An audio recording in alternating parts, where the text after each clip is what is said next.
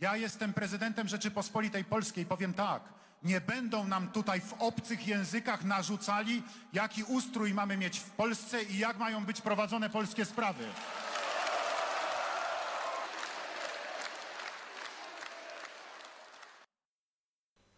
Není to tak dávno, co se prezident Andřej Duda ve své předvolební prezidentské kampani vyjadřoval poměrně ostře o tom, že Polákům nikdo nemá právo diktovat, co mají dělat a jak to mají dělat, a už vůbec ne v cizích jazycích. Protože ano, tady je Evropská unie samozřejmě, ale tady je především Polsko. Tímto projevem Duda narážel na Evropskou unii.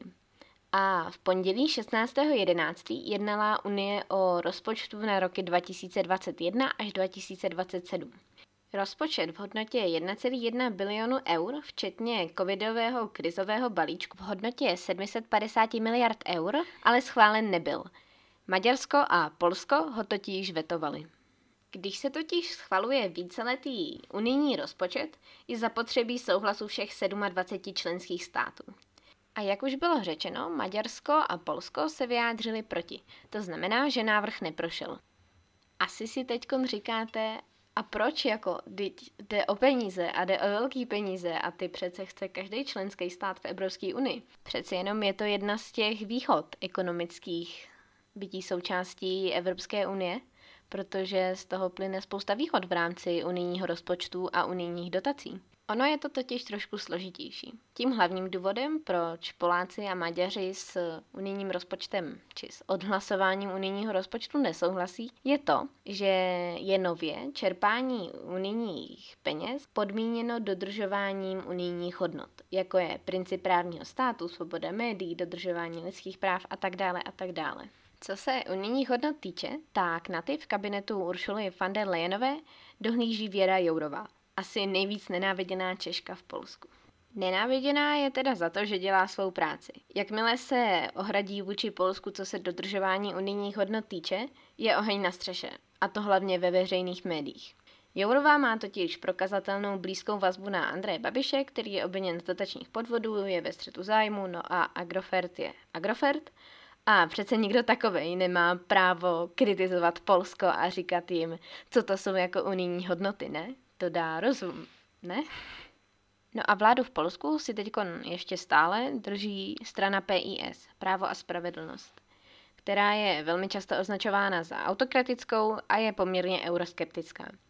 PIS by ale sám o sobě nebyl tak silný, kdyby neměl svoje koaliční partnery. A to přesně její stranu Porozumění a Solidární Polsko. No a právě strana Solidární Polsko v čele se Zbigněvem Žobrem, ministrem spravedlnosti, na PIS hodně tlačila, aby rozpočet nepřijímali. V případě v přijetí by totiž koalici opustili a nový koaliční partner by se PIS teď hledal dost blbě. Právě Zbigněv Žobro se o unijním rozpočtu vyjadřoval veřejně poměrně ostře. Podmínku dodržování unijních hodnot Žobro označil jako podkopávání důvěry uvnitř EU a radikální omezování suverenity členských států. Kdyby Polsko s návrhem rozpočtu souhlasilo, dle jeho názoru by to vedlo ke kulturní a politické kolonizaci Polska a bylo by to rychlostní silnicí k likvidaci polského sejmu, po které by se Polsko nezastavitelně řídilo. No jo, jenže teď si říkáte, co teď? Když Polsku a Maďarsku se nelíbí podmínka dodržování unijních hodnot a pravděpodobně na rozpočet s takovouto podmínkou nepřistoupí, a na druhé straně demokratické západní státy v čele s nizozemím nebudou chtít přistoupit na rozpočet bez této podmínky. No, jedno je jisté, eh, Merklová bude chtít najít někde mezi těmito dvěma body nějaký společný kompromis, nicméně ale taky zdůrazňuje, že je potřeba rozpočet schválit co nejdříve. No jo, jenže co když ten kompromis nenajdou a rozpočet nebude do konce roku schválen vůbec? V tu chvíli by to v praxi vypadalo tak, že by začalo platit takzvané provizorium. Provizorium by vycházelo z rozpočtu loňského, fondy by byly vypláceny omezeně a některé by byly dokonce naprosto pozastaveny. Například takový fond soudržnosti, kde Polsko je jeho největším příjemcem ze všech států v Evropské unii. Aby to nebylo ještě vyrvané z kontextu, tak Fond soudržnosti se zaměřuje na ty členské státy, jejíž hrubý národní důchod je na obyvatele nižší než 90% průměru Evropské unie. Jeho cílem je teda eliminovat hospodářskou a sociální nerovnost a podporovat udržitelný rozvoj. Toliko k rozpočtu samotnému. A teď trošičku návrat k těm unijním hodnotám. A co to ty unijní hodnoty vlastně jsou a proč je Polsko za jejich nedodržování kritizováno. Co to ty unijní hodnoty vlastně jsou, určuje článek 2 dohody o Evropské unii. Článek 2 říká, že je Unie založena na hodnotách úcty k lidské důstojnosti, svobody, demokracie, rovnosti, právního státu a dodržování lidských práv, včetně práv příslušníků menšin. Tyto hodnoty jsou společné všem členským státům ve společnosti vyznačující se pluralismem, nepřístupností diskriminace, tolerancí, spravedlivostí, solidaritou a rovností žen a mužů. Jourová kritizovala Polsko, respektive vládní stranu PIS, zejména za reformy, co se týče právnického systému v Polsku a takzvaný náhubkový zákon, a proběhlo spoustu krizí ohledně ústavního soudu, o kterém jsme mluvili v kontextu potratového zákona.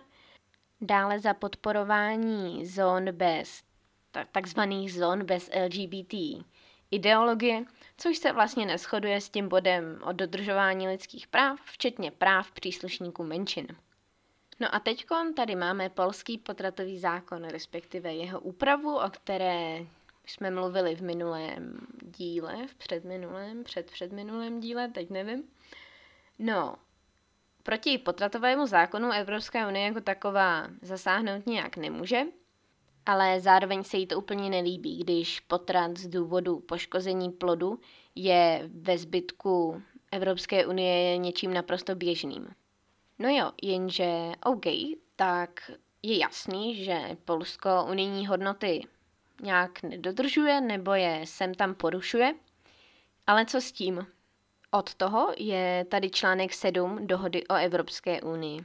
Ten funguje tak, že na odůvodněný návrh jedné třetiny členských států Evropského parlamentu nebo Evropské komise může Rada většinou čtyř pětin svých členů po obdržení souhlasu Evropského parlamentu rozhodnout, že tady nějaké nebezpečí porušení unijních hodnot, závažné porušení článku 2 existuje. Před přijetím tohle rozhodnutí ale ráda nejdřív daný členský stát vyslechne a může stejným postupem, tudíž odhlasováním čtyř pětin a souhlasem Evropského parlamentu podat tomuto členskému státu nějaké doporučení. Potom rada pravidelně přeskoumává, zda důvody, které ji k tomu rozhodnutí vedly, stále přetrvávají.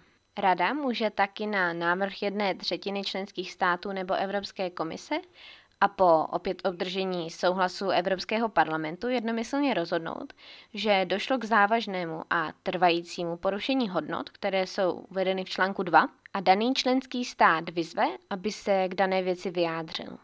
Pokud se tak stane, může rada svojí kvalifikovanou většinou rozhodnout, že práva, která pro dotyčný stát vyplývají z toho jeho členství, z použití smluv, včetně práv hlasovacích zástupců jeho vlády v radě, budou pozastavena.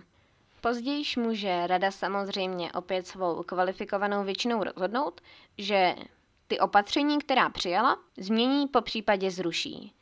Asi se teda společně můžeme shodnout na tom, nebo pevně v to doufám, že se na to můžeme shodnout, že některé věci, které se v Polsku dějí, jsou nejsou úplně vždycky souladu s unijními hodnotami. Ministři zahraničí Polska a Maďarska se dokonce na konci září shodli na tom, že společně založí Institut pro výzkum právního státu v Evropské unii. Institut by si měl klást za cíl zkoumání dodržování principů právního státu napříč jednotlivými státy Evropské unie a měl by se snažit zabránit takzvaným dvojitým standardům. Ministři zahraničí těchto dvou států věří, že vytvoření takovéhle instituce napomůže pochopení stavu právního státu v Polsku a v Maďarsku jinými členy Evropské unie, které formu právního státu v Maďarsku a Polsku kritizují. Maďarský ministr zahraničí dokonce řekl, že cílem tohoto institutu pro komparativní právo je, aby z nich nedělali blázny, že toho má dost, že někteří západoevropští politici Maďarsko používají jako fackovacího panáka. Co se bude dít dál, je nepochybně otázkou dní budoucích. Nicméně schválení rozpočtu je v tomto případě důležitější než kdy předtím. A to hlavně kvůli tomu krizovému covidovému balíčku, který je důležitý pro většinu členských států, teda pro všechny členské státy. Všichni jsme zasaženi pandemií koronaviru a ekonomice by to aspoň do nějaké míry mohlo pomoct. To by bylo ode mě dneska všechno. Já doufám, že se vám i ten díl líbil a že budete poslouchat dál. Tak, zatím naslyšenou. Szanowni Państwo, tak. Tak. Tu jest Unia Europejska. Tak, oczywiście i bardzo się z tego cieszymy, że jest. Ale przede wszystkim tu jest Polska. Dziękuję.